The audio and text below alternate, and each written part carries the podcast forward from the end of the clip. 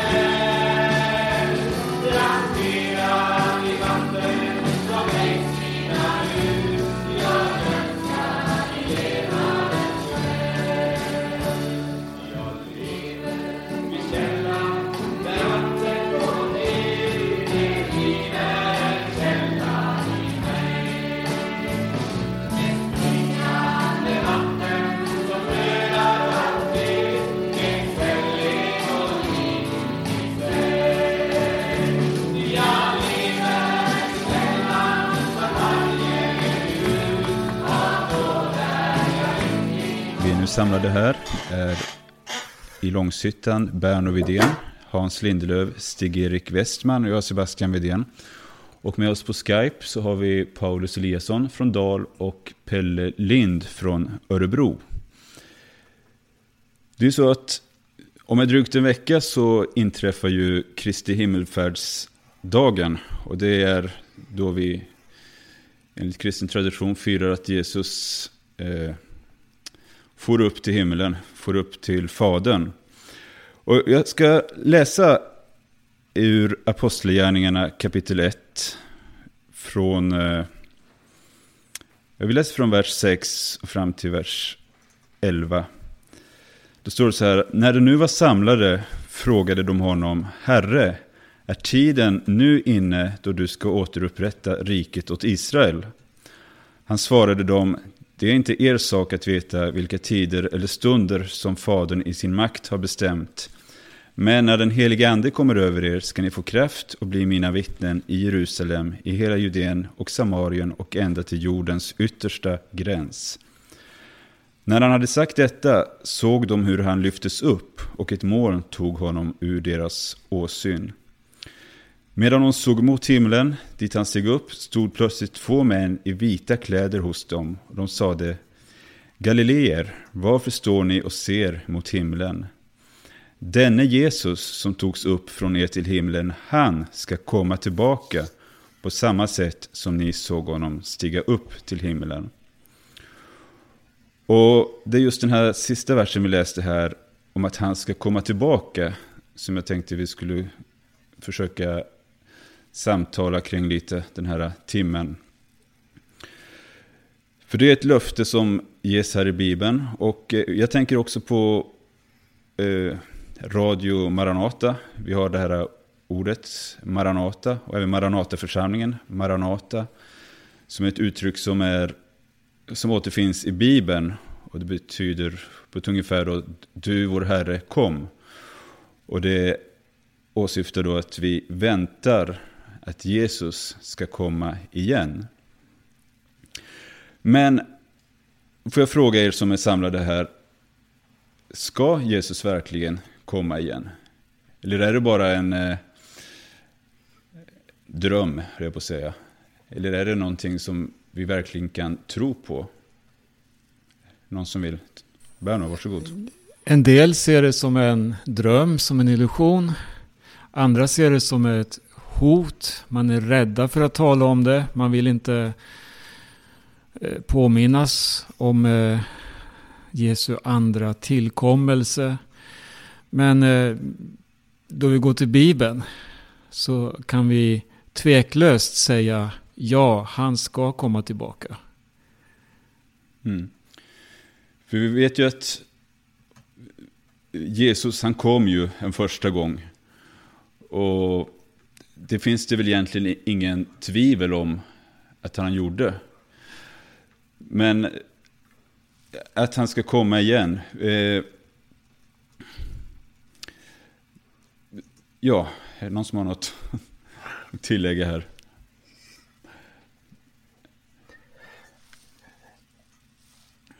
Ja, vi, vi, Kan ju, vi kan ju säga som så här att eh, det hoppet som, eh, som vi presenteras för i Bibeln, där är ju Jesu återkomst eller att Jesus ska komma tillbaka är en del av eh, det hoppet. Och eh, det är en del av hoppet som, som jag tror många kristna inte har, vad ska man säga, top of mind, som man har i sitt direkta medvetande och som jag tror att man hade gjort väl i att, att eh, nogare, noggrannare undersöka, förhålla sig till och eh, också förkunna. Därför att eh, Jesu tillkommelse sätter sin prägel på, om man, om man verkligen tror att Jesus ska komma tillbaka, vad man än tror om det så kommer det sätta sin prägel på eh, hur man lever sitt liv här och nu. Precis som om jag ska på en resa imorgon så kommer det sätta sin prägel på vad jag gör idag. Om, om jag väntar att eh, jag ska få barn om, om eh, ett halvår så kommer det sätta sin prägel på hur jag lever idag. Alltså framtiden sätter sin prägel på nuet. Eh, och det tror jag också gäller för eh, när det gäller Jesu tillkommelse. Att Jesu tillkommelse kommer sätta sin prägel på både vad man förkunnar, vad man menar är viktigt och det kommer sätta sin prägel på hur man lever sitt kristna liv. Mm. Eh, jag tänker på Maranata då, eh, det som vi ofta ja, sätter som ett baner över våra liv. Det borde väl vara någonting då som, eh, det är ju en bekännelse, tycker, ser jag det först och främst som. Det, vi kallar oss för Maranata församling, men jag ser det först som en bekännelse. Att det är någon, vi väntar att Jesus ska komma igen. Och så, precis som du säger Paulus så är det någonting som då måste prägla våra liv. Och jag tänkte på det här, eh, Jesus han kom ju en första gång. Och då, eh, jag kan läsa bara snabbt i Hebreerbrevet.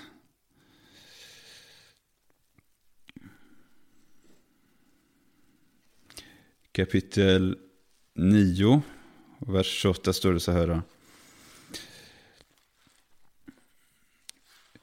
I slutet så har vi andra delen av vers 28. Och han ska träda fram en andra gång, inte för att bära synd, utan för att frälsa de som väntar på honom. Eh, Pelle, vad tror du att det här innebär? Han ska inte komma en gång till för att bära synd, men för att frälsa de som väntar på honom. Ja, först och främst är det ett underbart hopp som vi har. Eh, naturligtvis är det ju, här talar ju också om vår tro, att vi tror att Jesus ska komma tillbaka. Vi tror på vad Bibeln säger om detta. Och eh, när vi ser hur världen ser ut omkring oss så är det ju faktiskt ett underbart fantastiskt hopp att få ha hela sin förtröstan, hela sitt liv i detta att Jesus ska komma tillbaka. Och just som Paulus sa det här också att, att eh, eh, tänker vi på hans tillkommelse, att vi ska vara med när han kommer och, och hur förbereder vi oss som inför en resa? Börjar vi liksom packa vår väska här eller, eller liksom eh, bryr vi oss inte? Så att, så att hoppet lever om hans tillkommelse och eh, vi måste ändå som kristna att, att för att bejaka det så att säga måste vi också förbereda oss. Mm. Eh, så skulle jag säga att eh, här, sanningen om Jesu andra tillkommelse, det är väl en ganska central del i det kristna budskapet. Ja, det är det viktigaste. Eh, man brukar säga att, att eh, Bibeln talar om Jesu tillkommelse 318 gånger. Medan man talar till exempel om, om, om nattvarden kanske fyra gånger. Så det är ju Bibelns huvudbudskap, är ju att Jesus ska komma tillbaka.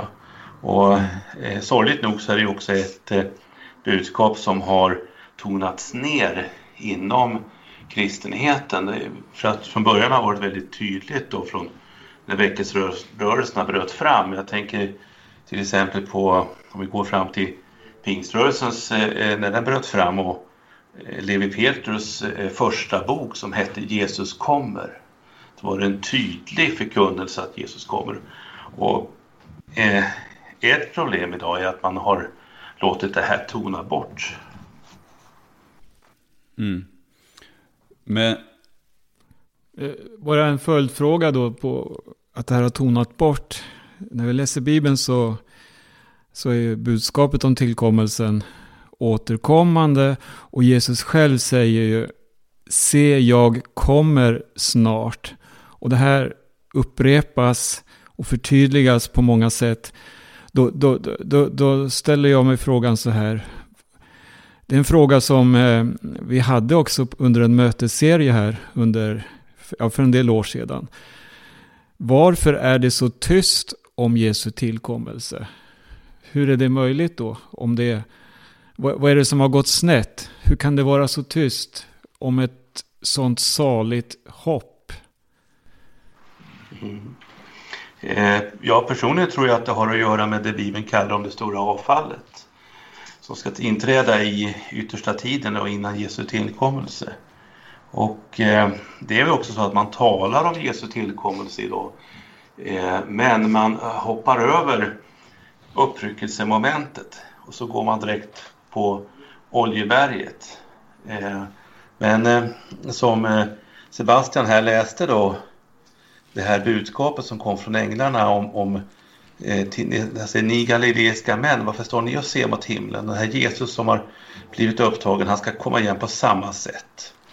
Och här var det ju så att, att eh, alla människor i Jerusalem då såg ju inte Jesus fara upp på, från Oljeberget. Jag kan tänka mig att, att eh, människorna runt om i Jerusalem eh, eh, såg inte detta utan det här var ju lärjungaskaran som var där som såg detta. Och på samma sätt så, så tror jag att, att det ska ske ett uppryckande av en förstlings, alltså av själva bruden ska ryckas upp som eh, Paulus talar om då i, i Thessalonikerbrevet, det ska ryckas upp Herren till mötes. Och det har försvunnit ur förkunnelsen idag, tyvärr. Mm. Vart är det vi läser om uppryckandet mest tydligt? Det är väl... Första Thessalonikerbrevet 4, verserna 16, 17, 18. Mm. Kan vara, vi, vi, skulle kunna ta fram dem här. Ja, jag har det framme här. Ja. Kan inte läsa det bara. Jag läser från vers 15. Vi, vi säger i detta enligt ett ord från Herren. Vi som lever och är kvar här är intressant att notera också att Paulus, han räknade sig själv som en av dem som skulle leva och vara kvar. En väldigt kort perspektiv. Vi som lever och är kvar till Herrens ankomst ska alls inte komma före de insomnade. När en befallning ljuder, en ärkeängels röst och en Guds basun, då ska Herren själv komma ner ifrån himmelen. Och det som har dött i Kristus skall uppstå först. Därefter ska vi som lever och är kvar ryckas upp bland skyar tillsammans med dem för att möta Herren i rymden. Och så ska vi alltid vara hos Herren. Trösta därför varandra med dessa ord. Det, det här är ju ett av Paulus tidigare brev. Det skrevs ganska tidigt. Och eh, jag har ju hört då att de som har sagt att det var liksom det här första inspirationen han hade. Men sen så ja, lugnade han ner sig lite. Men, men det stämmer inte. För att går vi till hans sista brev, det som är daterat senast, alltså som jag tror i alla fall, det är andra Timoteusbrevet. Då skriver han till Timoteus där i sin avskedshälsning om segerkransen som väntar. Och så avslutar han åt alla dem som älskar hans tillkommelse. Då ser man att tillkommelsen för Paulus, det var ett liv, det var någonting han levde för, någonting han älskade. Och han skriver ju också om tillkommelsen som vårt saliga hopp. Ja, nej, jag tänkte på, eftersom vi har sagt någonting om vad som står i första Thessalonikerbrevet så skulle jag gärna vilja eh, citera någonting som står i det första kapitlet där. För att det är mm, aposteln Paulus som ger en slags eh, karaktäristik av vad som är karaktären hos den kristne och de, de, den församlingen då i Thessaloniki där han hade förkunnat. Eh, och så säger han att eh, Herrens ord, säger han, har gett eko. Eh, så att det här vittnesbördet om hur Thessalonikerna eh, kom till tro har liksom nått ut till städerna runt omkring. Eh, och så säger han de, alltså människorna i städerna runt omkring i Makedonien, Berätta själva vilken ingång vi fick hos er, alltså hur apostlarna kom med sitt budskap till dem. Och hur ni omvände er till Gud, bort från avgudarna. Och jag tror att alla kristna är eniga om att i, i det här att tro på Gud så finns det en omvändelse bort ifrån det man har tillbett tidigare, så finns en omvändelse till Kristus. Eh, så det är liksom det absolut, grund, absolut grundläggande.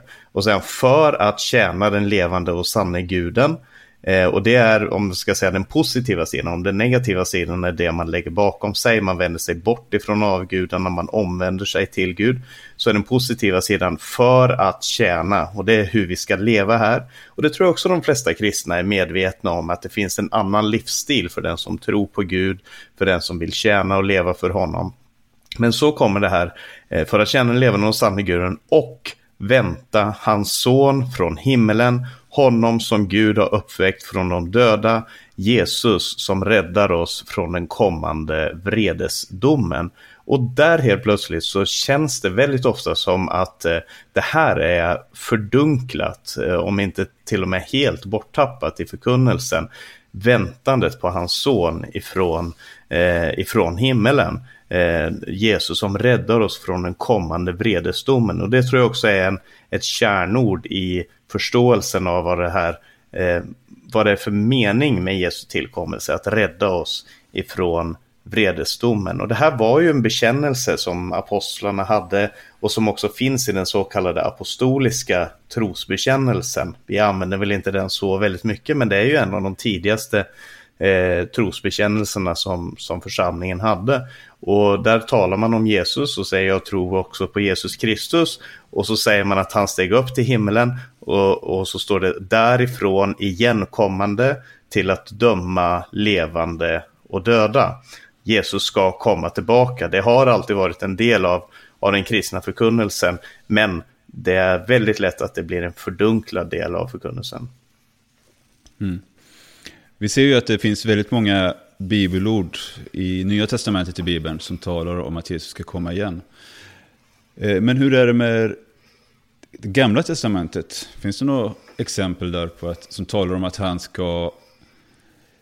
Vi, vi har ju profetior som talar om, eh, till exempel Jesaja 53, om hur Herrens tjänare ska... Ja, som talar om det offer han gör. Men finns det någonting i Gamla Testamentet som talar om att han ska komma igen, Paulus? Jag, jag skulle vilja säga som så här att det finns en, en tvådelad eh, förkunnelse om Messias uppdrag i Gamla Testamentet. Så att du har, du har dels det här Jesaja 53 eh, där det handlar om, om eh, den lidande Guds tjänare som ger sitt liv i döden för, för folkets synder. Eh, det är det ena perspektivet som vi möter i Gamla Testamentet. Det andra perspektivet är han som, om, om vi läser längre fram i Jesaja, de sista kapitlen där till exempel, att Gud ska föra allting fram till det som kallas för Herrens stora dag.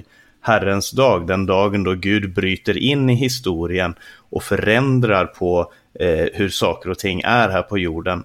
Eh, jag, tror inte, jag vet inte om man skulle kunna peka på mer än saker och ting som alluderar till Jesu tillkommelse eller så, men, men det är helt klart att eh, Gud ska bryta in i historien eh, på ett revolutionerande sätt då himlen och jorden ska, ska födas på nytt och då saker och ting ska, ska förvandlas eh, över, över överallt. Och det är det här som gjorde att många människor också tänkte att kan, Jesus inte kunde vara Messias just därför att han inte uppfyllde det som man tyckte att, eh, att han skulle göra. Men det vi ser är att det finns en, en, en eh, tvådelad eh, historieskrivning här, eller profetisk skrivning kanske man hellre ska säga, där den ena delen handlar om Jesus som kommer ödmjuk ridande på en åsna, eh, han som kommer för att offras, för, han som förs bort som ett lamm för att slaktas, det är den ena sidan.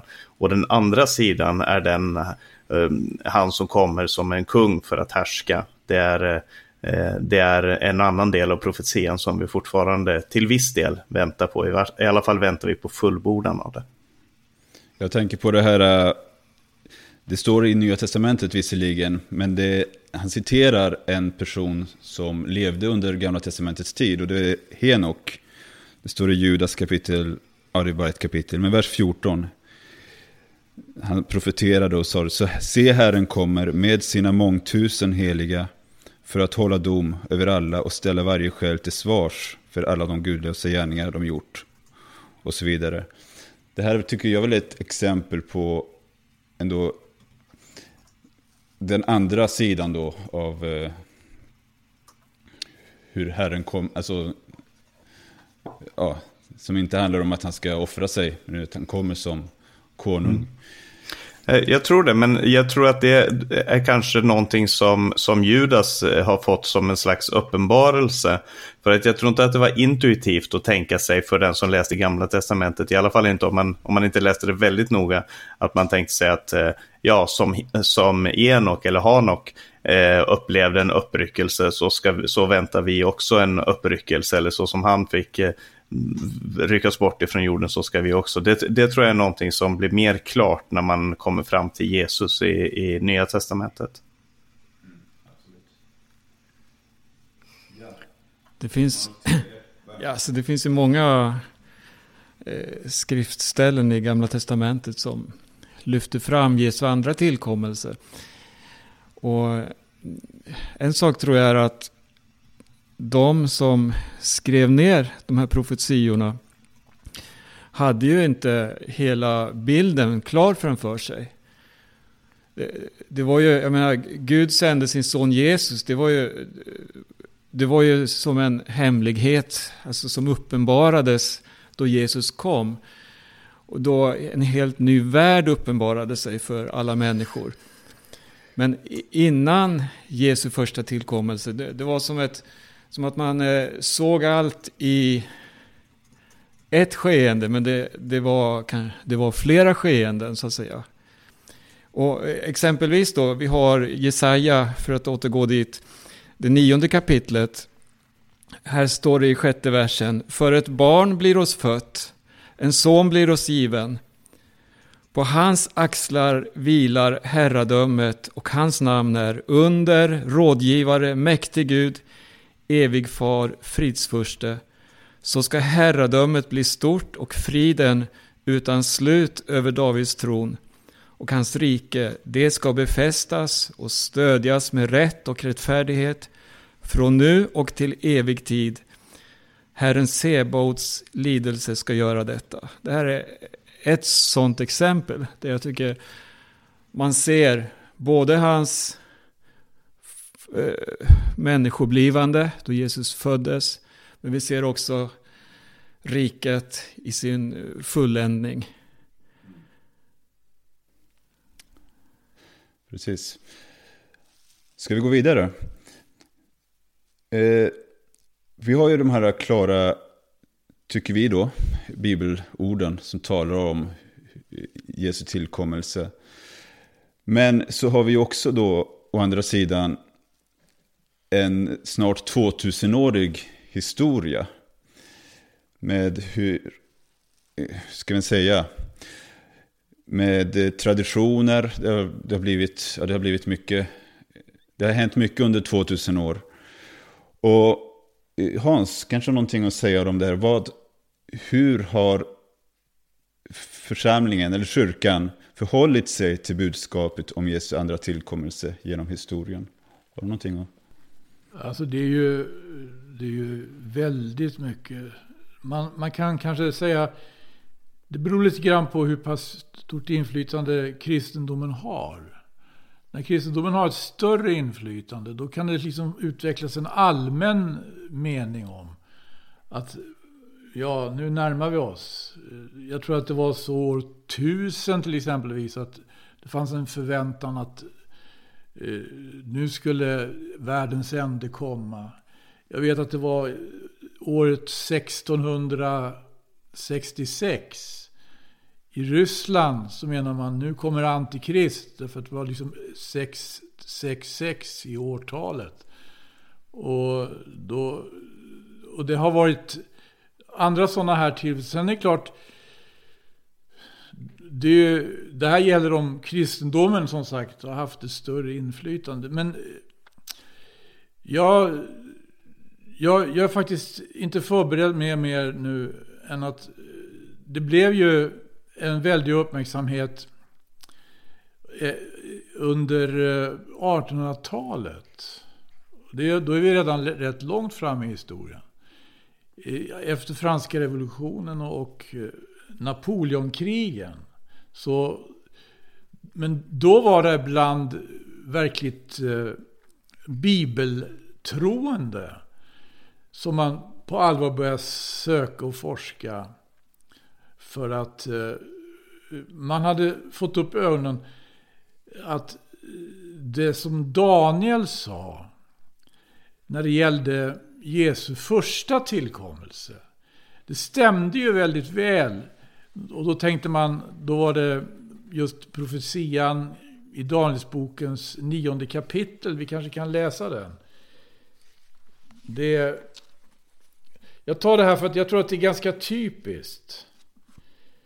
Eh, för hur, hur, hur saker och ting kan liksom eh, hur det kan väckas ett man, vä, man väcks över vissa bibelord och så kan det också spåra ur. Va? Det var ju faktiskt, det var ju adventisterna. Det var ju en viss herr Miller hette han tror jag. Va? De var väldigt allvarliga när det gällde eh, det här som ängeln Gabriel säger till Daniel. I Danielsbokens nionde kapitel då Daniel bad. Han bad ju för sitt folk här. Eh, det står så här från den 23 versen. Redan när du begynte din bön. Jag läser från 1917 här. Utgick befallning och jag har kommit för att ge dig besked. Ty du är högt benådad. Så ge nu akt på ordet och akta på synen. 70 veckor är bestämda över ditt folk och över din heliga stad innan en gräns sätts för överträdelsen och synden, synderna får en ände och missgärningen blir försonad och en evig rättfärdighet framhålld. Och innan syn och profetia beseglas och en höghelig helgedom blir smord. Så vet ni och förstå från den tid ordet om att Jerusalem åter ska byggas upp till dess en smord den förste kommer ska sju veckor och 62 veckor förgås. Det ska då byggas upp med sina gator och sina vallgravar om och i tider av trångmål. Men efter de 62 veckorna skall en som är smord förgöras utan att någon efterföljer honom. Och staden och helgedomen ska en anryckande furstes folk förstöra. Men själv ska denne få sin ände i störtfloden och, i, och intill änden ska strid vara förödelse oryggligt besluten. Och han ska med många sluta ett starkt förbund för en vecka och för en halv vecka ska genom honom slaktoffer och spisoffer bli avskaffade. Och på styggelsens vinge ska förödaren komma. Detta ska fortgå till dess att förstöring och oryggligt besluten straffdom utgjuter sig över förödaren. Här finns vissa bestämda tidsangivelser. Och det talas om de här 62 veckorna. 7 plus 62, 69 veckor. Multiplicerar man talet 7 med 69 då får man, kommer man fram till eh, exakt antalet år som eh, var ifrån det att Artaxerxes gav Nehemja uppdraget att återvända till Jerusalem och bygga upp stadens murar. Och till dess att Jesus föddes. Det här eh, innebar att man fick verkligen också en, en väldig, eh, ska vi säga, eh, man fick luft under vingarna kan man säga då. För att det står ju så många fler då tidsangivelser. Och man tänkte, ska det inte vara så då att vi ska kunna få något ur Danielsboken som hjälper oss att mer exakt tidsmässigt bestämma dagen för Jesu andra tillkommelse. Och då tog man bland annat fasta på det här om de om de sju tiderna och så började man utveckla det och så kom man fram till att Jesus skulle komma år 1833. 1833 och han kom inte och då sa man att det var ett litet fel här, han kommer 1834 och han kom inte då heller. Och det här var naturligtvis, måste ha varit en väldig skandal eh, för, för, i de här kretsarna och i alla, överallt där det här blev känt. Ur den här, kan man säga, katastrofen så uppstod så småningom, vad jag förstår, det som vi kan lärt känna som Jehovas vittnen. Och då har man gjort det här misstaget vid upprepade tillfällen. Men jag tror att det finns anledning att ta del av adventisternas bibelstudier här. På den punkten alltså, att de var inne på något sätt på rätt linje när det gällde att studera profetian. Men någonting spårade ur. Alltså, det allvarliga är ju att verkligen, vi kommer in i ett allvarligt bibelstudium.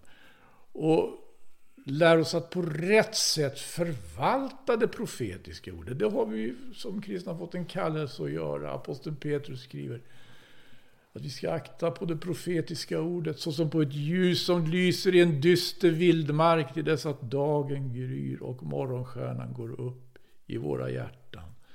Jag har tagit kanske ett exempel som är på sätt och vis negativt. Men det är ju inte det enda eh, exemplet av den här karaktären. Och det kanske finns anledning alltså att pröva sig inför just sådana här, såna här saker. Kan, vad, vad, är det som man har gjort fel? Och hur ska vi undvika att det här upprepas? Mm.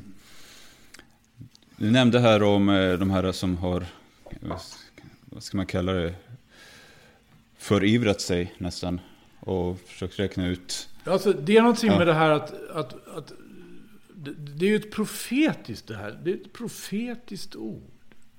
Och det profetiska budskapet, det ser vi exempel på i Bibeln. Det, det förvaltas ju på det sättet att det har att göra med, det, det, det ska, det har med demonstration, demonstrativa aktioner och ibland provokativa aktioner. Profeten Jesaja gick naken och barfota. I två år var det va? Ja. Profeten Hesekiel han låg i sitt rum på ena sidan med, med bördor. Han då, jag vet inte hur många dagar det var, 40 på ena sidan och så var det över 100 dagar på andra sidan. Sådana här demonstrationer som kan till, till synes se ut förryckta, som egentligen inte är det. Men, men, så finns det det som också är förryckt. Alltså när det kommer till det här profetiska, då måste man verkligen vara eh, väldigt både vaksam och, och allvarsam och inte förakta, har vi fått lära oss, det profetiska och ett profetiskt tal. Mm. Men jag tänker också då, eh, det här å ena sidan, som kanske förivrar sig åt ena hållet. Men sen finns det ju också, tycker jag mig se, en stor del av se, kristenheten i världen som helt har tappat, å andra sidan, det här, eh, det här perspektivet om att Jesus snart kommer igen. Som istället handlar om att man blir en, ja, låt oss kalla det för inomvärldslig kyrka. Så, så ja. Så, så visst finns det anledningen att ta upp de här frågorna. Det... Men handlar inte det om att liksom ideologierna som har kommit, de gör ju faktiskt mer eller mindre anspråk på att vara visionära. De målar ju liksom upp ett väldigt, eh, inte sällan ett väldigt, jag kan tänka på en sak, kommunismen till exempelvis. Det, det, det, drömmen om det klasslösa samhället. Vad det fångade själarna. Vad man, liksom, vad man drömde, vad man såg.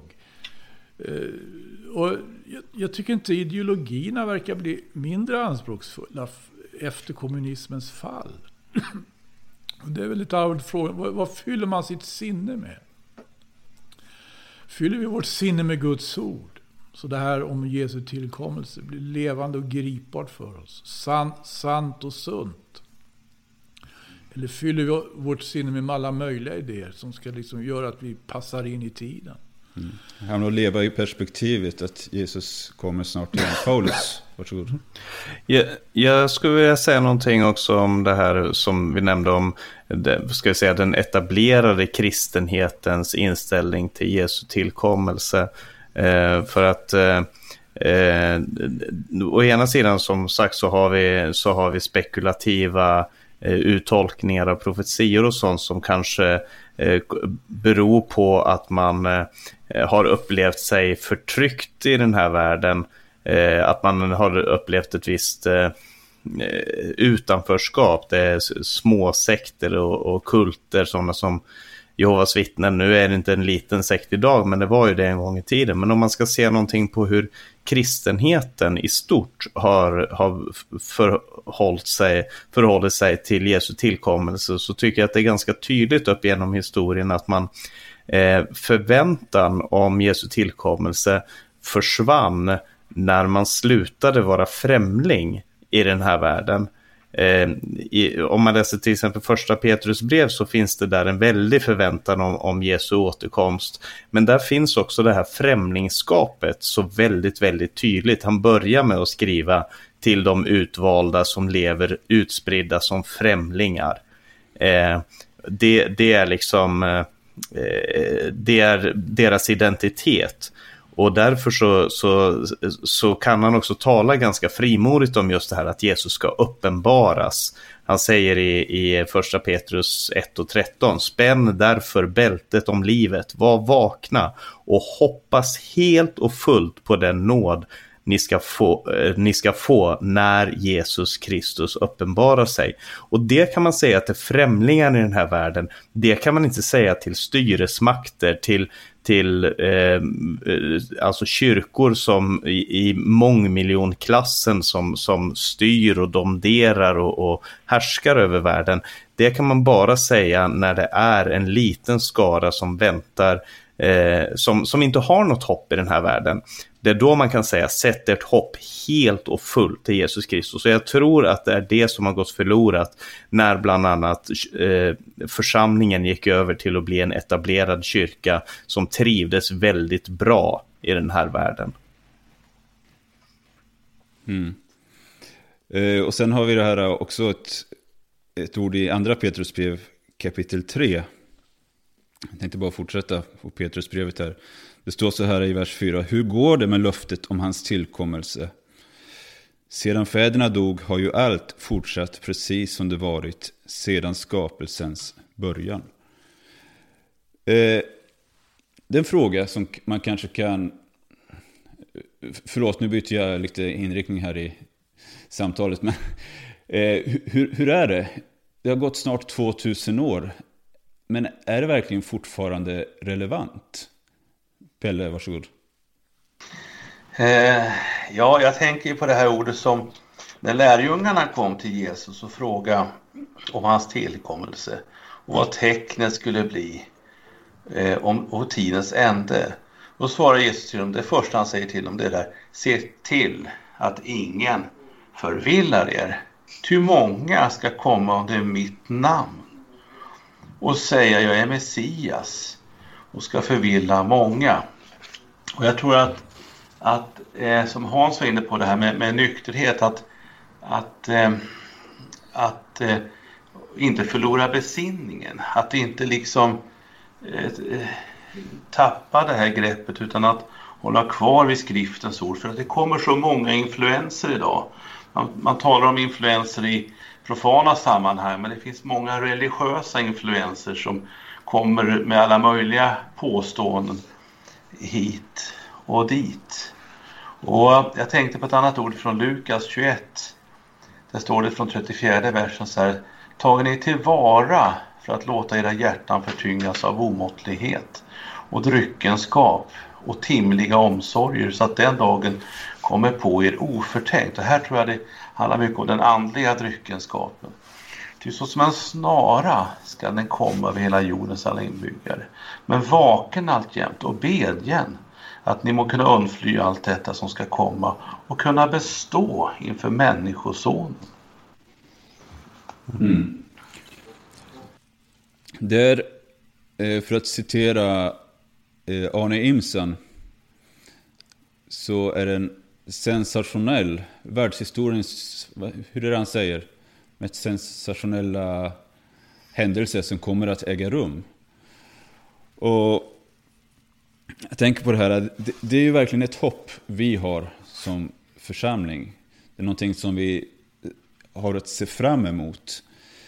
Och jag tänker på uttrycket som, ett uttryck som återkommer gång på gång i, i Bibeln. Det handlar om brud och brudgum som ska mötas.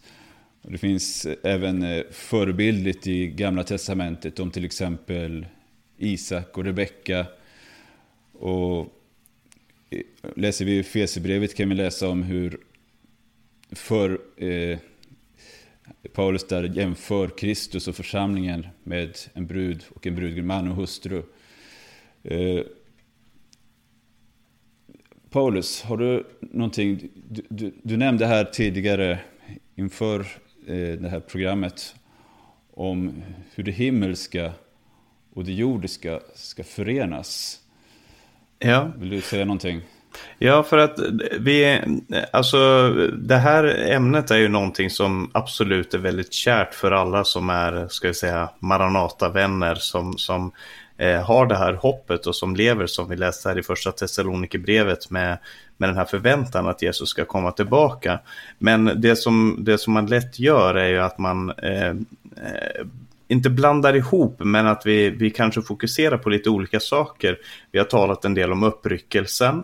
Eh, vi har talat, eh, vi skulle kunna tala mer om till exempel det här som handlar om Herrens dag och vad som ska övergå jorden. Alltså han som uppryckelsen är ju för att frälsa oss ifrån den vrede som kommer. Eh, men sen handlar det ju, det som Bibeln talar allra mest om, det handlar ju om Gudsrikets totala eh, inbrytande i den här världen. Eh, att, att Guds rike ska, ska ta över, det är målet. målet är inte uppryckelsen, uppryckelsen är en metod, eller vad man ska säga, det är det, det sättet som saker och ting kommer hända på. Eh, Herrens dag, alltså, alltså domen över världen och vreden som ska gå över, det är heller inte målet, utan målet är ju att vi ska få upprättat igen det som gick förlorat i paradiset. Eh, och, och, det är därför det sista kapitlet i Johannes uppenbarelse är så väldigt intressant. Eh, och också Romarbrevet 8, jag tänkte jag skulle bara läsa här några verser i Romarbrevets åttonde kapitel där det står om skapelsens hopp. För det står så här eh, ifrån den artonde versen. Jag menar, säger Paulus, att den här tidens lidande inte kan jämföras med den härlighet som ska uppenbaras och bli vår. Här är, här, det här är hoppet. Lidandet i den här tiden kan inte jämföras med hoppet som kommer. Själva skapelsen väntar och längtar efter att Guds barn ska uppenbaras. Skapelsen har ju blivit lagd under förgängelsen, inte av egen vilja utan genom honom som lade den därunder. Ändå finns det hopp om att även skapelsen ska befrias från sitt slaveri under förgängelsen och nå fram till Guds barns härliga frihet. Vi vet att hela skapelsen gemensamt fortfarande suckar och våndas och inte bara den utan också vi som har fått anden som förstlingsfrukt suckar inom oss och väntar på barnaskapet, vår kropps förlossning. Eh, och, och det här det, det sätter ju fokuset också på liksom hela skapelsen, att hela skapelsen har en förväntan om att bli förlossad ifrån, eh, ifrån det som den är underlagd. Eh, och när Petrus talar om, om eh, Jesu tillkommelse och vad som ska ske så talar han om en ny himmel och en ny jord där rättfärdighet bor. Och jag tror att vi gör lite fel ibland när vi säger när vi säger vi ska till himmelen och i himmelen ska vi göra det här tillsammans med Jesus. Och vi ska, för att det skapar en, en dikotomi, det skapar en motsättning me mo mellan eh, det jordiska och det himmelska. Och det finns en motsättning mellan det jordiska och det himmelska. Men jag tror att målet är att himmelen och jorden ska mötas. Att de här två sakerna ska bli ett. Eh, som det står i Johannes uppenbarelse om bruden som kommer ner, den här färdigsmyckade staden som kommer ner ifrån himmelen färdigsmyckad, eh, som en brud färdigsmyckad för sin brudgum. Och, som, och där det står också att nu är Herrens eh, tabernakel ibland människor. Eh, det är det här eh, som fanns i Edens lustgård. Där fanns ju det här mötet mellan Gud och människan på jorden. Och det gick förlorat. Och sen att vi ska få uppleva att den här kontakten blir återknuten. Det, blir, det handlar inte om att komma till himmelen. Men det handlar heller inte om att bli kvar på jorden. Det handlar om att himmelen och jorden ska mötas. Att himmelen och jorden ska förenas igen. Eh, att, det ska, att det ska bli en evighet med en ny himmel och en ny jord. Och skapelsen väntar på den här förlossningen som vi ska få uppleva. Vårt himmelska hopp. Eh, och jag tycker att det är, det är ett väldigt fantastiskt budskap och, och det är därför som vi också förkunnar inte bara att våran själ och ande ska uppstå igen ifrån de döda men också kroppens uppståndelse. Eh, det här är någonting som församlingen genom alla tider har hållit fast väldigt tydligt på mot till exempel gnostikerna som, som menar att det stora målet är att bli en ande som inte är bunden till någon kropp. Men Bibeln säger att det stora målet är att vår kropp ska förvandlas och ska bli lik den kropp som Jesus har i härlighet. Det handlar alltså om en härlighetskropp, inte en eh, o, ofysisk ande.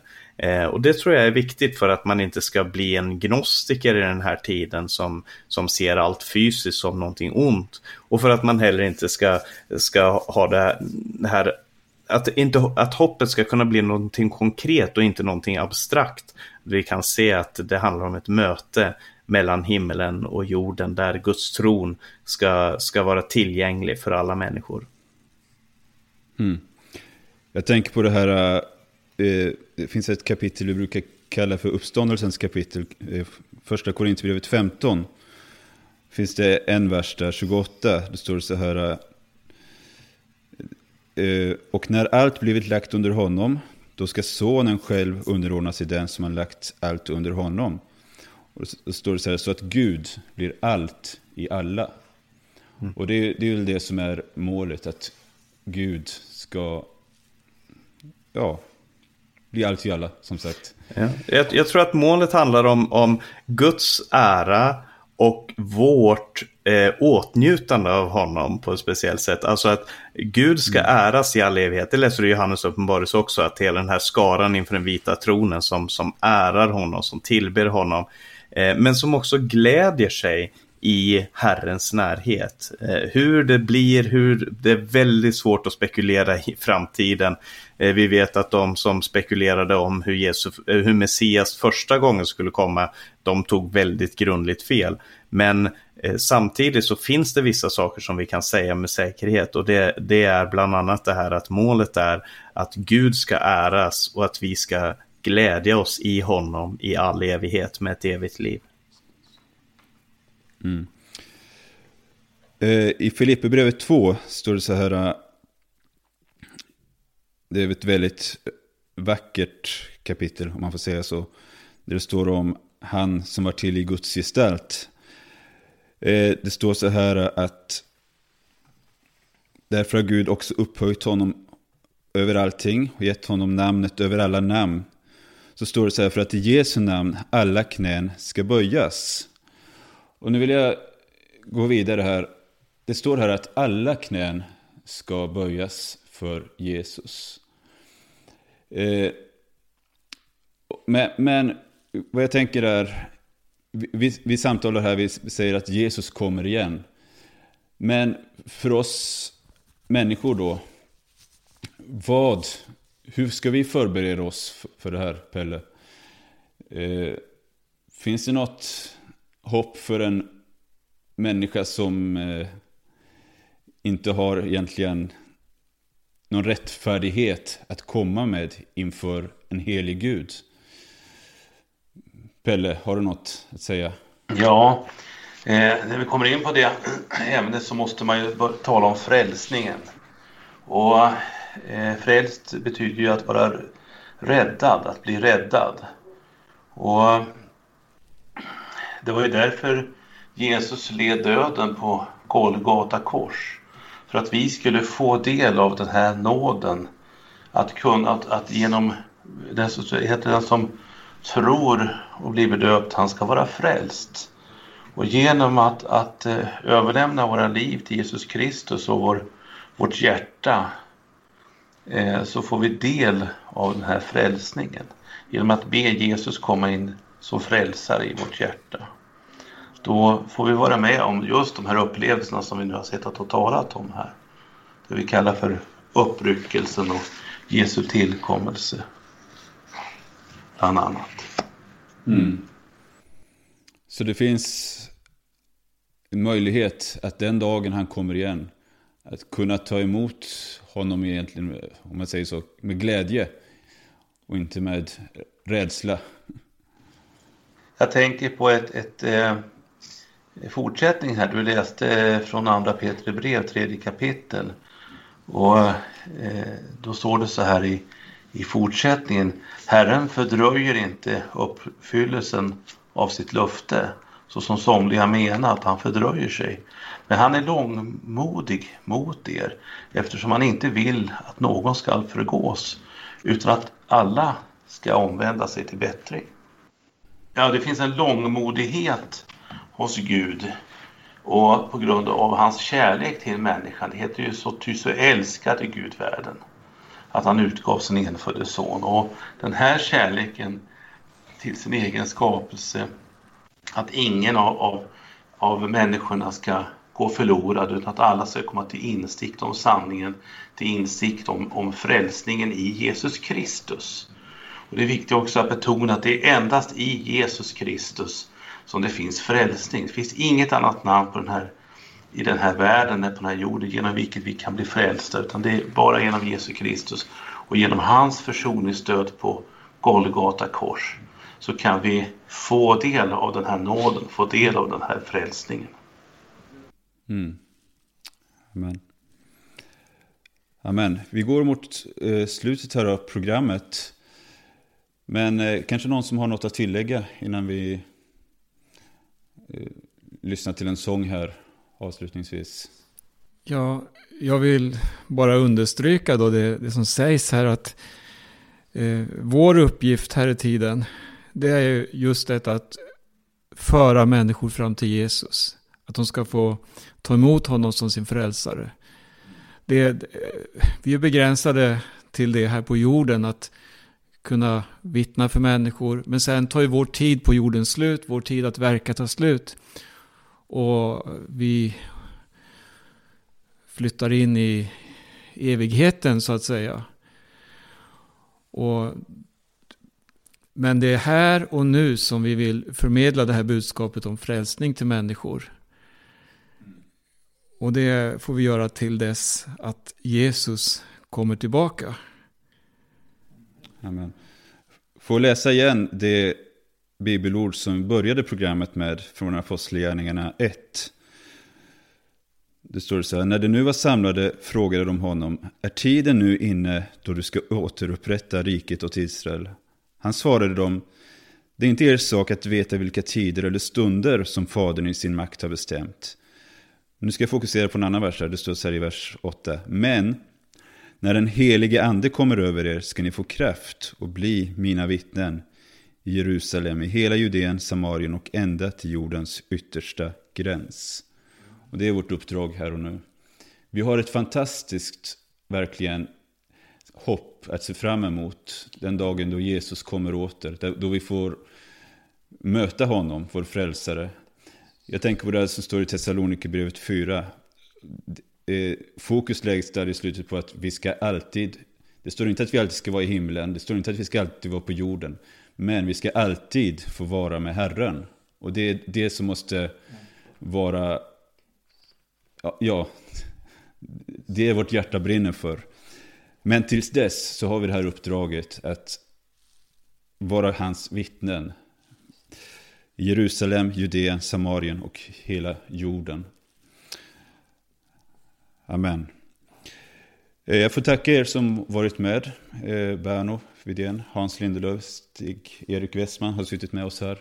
Paulus Eliasson, Pelle Lind. Och så avslutar vi med att lyssna till några toner på en sång innan vi går ur sändningen här.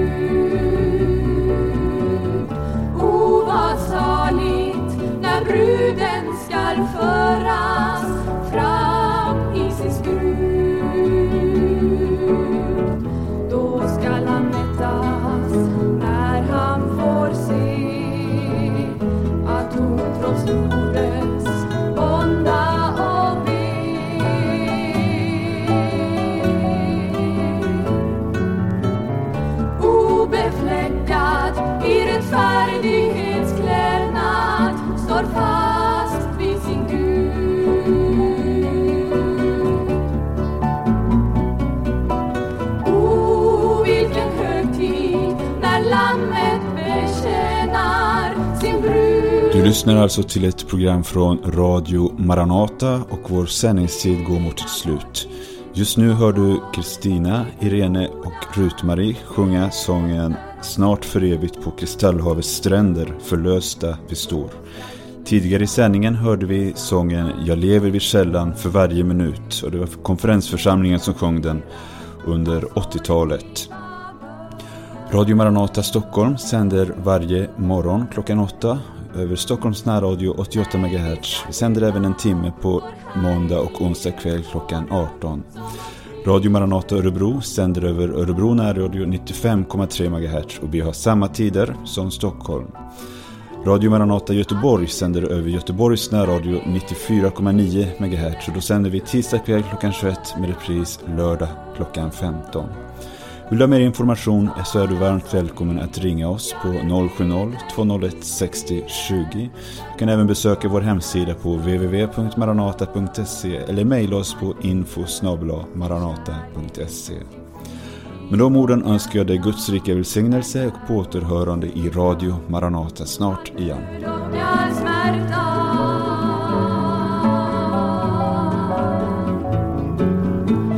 Snart är striden och våndan